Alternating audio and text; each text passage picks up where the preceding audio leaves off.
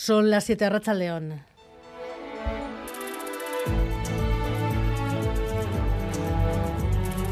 Gambara con Arancha García.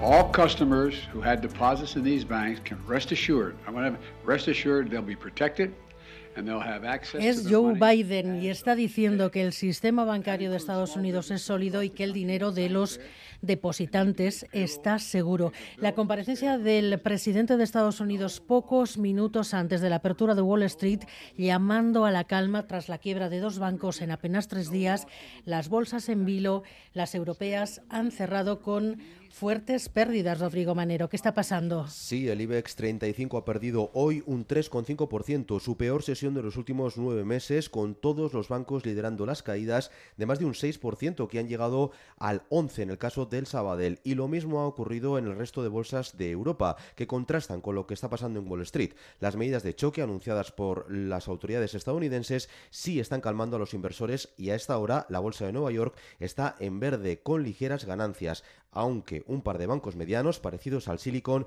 sí se han desplomado y su cotización ha sido suspendida. Hay temor al contagio, Rodrigo, miedo a una crisis bancaria más global. Ese temor se ha trasladado a las bolsas, lo hemos visto, y con ello los mensajes de calma. Mensajes de calma desde Estados Unidos y desde Europa. Así es, el presidente de Estados Unidos, como oíamos, Joe Biden ha comparecido en público justo antes de que abriera Wall Street para decir que su sistema bancario está fuerte, que los depósitos de los ciudadanos están asegurados y que si hace falta se tomarán más medidas. La Reserva Federal, que ha garantizado financiación a todos los bancos del país, se ha reunido de urgencia esta tarde para seguir de cerca la situación y en Europa se lanzan también mensajes de calma. La Comisión y los ministros de Finanzas reunidos en Bruselas han dicho que no hay riesgo de contagio porque los bancos europeos europeos están saneados y con otro modelo de negocio. Enseguida nos vamos a todos los puntos de interés en esta crisis. Estados Unidos, Bruselas, ahí está reunido el Eurogrupo y tratamos de entender las claves de esta crisis, si hay señales de riesgo real para el sistema bancario europeo y qué efectos puede acabar teniendo. La otra noticia del día, Galicia, Asturias, Cantabria y la comunidad autónoma vasca unen fuerzas para evitar que la región atlántica quede como una región de segunda división dentro de Europa. Un ejemplo claro de esta preocupación es que Francia no conectará su tren de alta velocidad con Euskadi mínimo hasta 2040, lo que dejará a toda la red atlántica sin conexión con Europa. Los presidentes autonómicos han acordado, por iniciativa del Endacari, constituir una macroregión para ejercer más influencia. Hablamos de la creación de una macroregión atlántica. Nuestro objetivo es que durante la presidencia española del Consejo de la Unión, el segundo semestre de este año, el Consejo Europeo mandate a la Comisión desarrollar una estrategia macroregional para el Atlántico. Hemos convenido la necesidad de trabajar como un lobby atlántico que movilice a las instituciones y a actores socioeconómicos. Ganar influencia en los grandes proyectos pendientes, no solo la alta velocidad, también las nuevas formas de energía, el cambio climático, evitar quedarse fuera de foco, decía el Lendakari, quieren aprovechar la presidencia española de la Unión Europea a partir de julio. A las 8 entrevistamos aquí en Gambara al delegado del Gobierno, Denis Ichaso. Y Kontsumobide ha sancionado a Cuchabank con 123.000 euros. El motivo, no aceptar pagos en metálico de no clientes. Dice Kontsumobide que no se puede aceptar.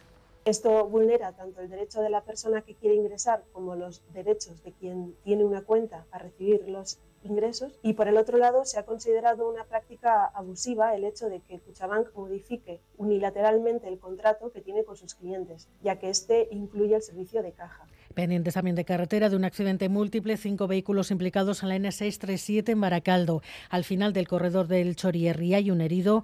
Los coches todavía están obstaculizando la calzada y se están formando retenciones. Ya llegan, de hecho, hasta el desvío de los túneles de Archanda. N637 Baracaldo al final del corredor del Chorierri. Y el viento también ha ocasionado problemas bastantes durante todo el día. Dos aviones han tenido que ser desviados en Loyu, los parques cerrados en Gasteiz, Gary Suárez.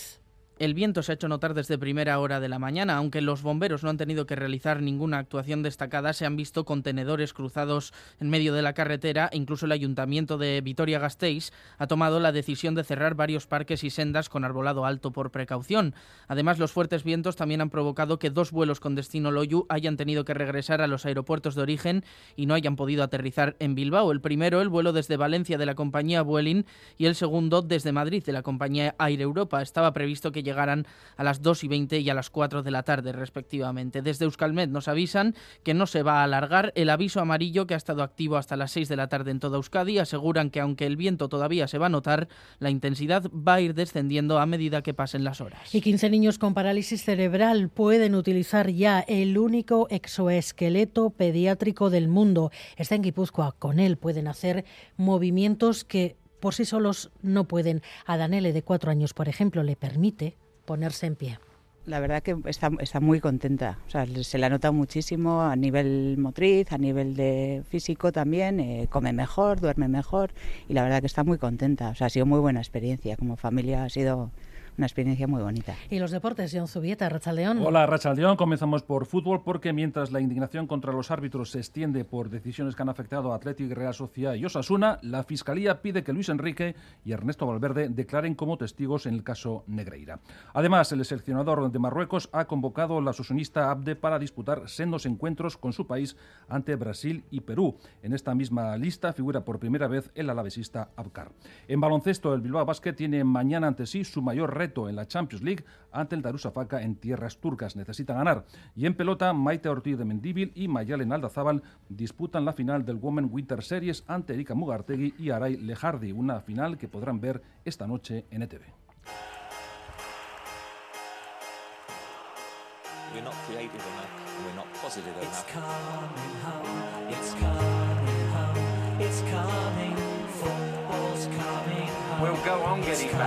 Ha sido una de las peores crisis de prestigio de la BBC. El motivo, el cese de uno de sus presentadores estrellas por un tuit en el que criticaba la política de inmigración del gobierno Sunak.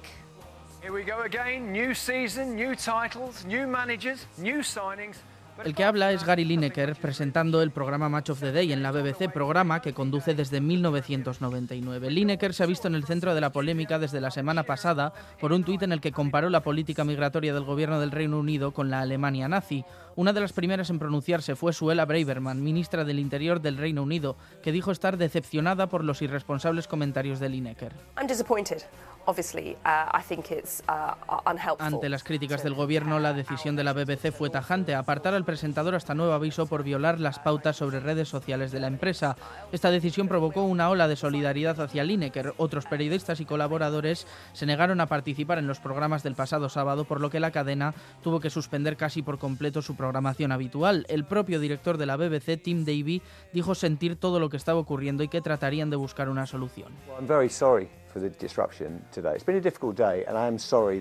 Esa solución parece haber llegado ya. Hoy mismo la BBC ha dado marcha atrás y ha confirmado que Lineker volverá a presentar su programa. Por su parte, el presentador ha agradecido el apoyo. Seguimos siendo un país donde la gente es tolerante, acogedora y generosa, ha escrito en Twitter.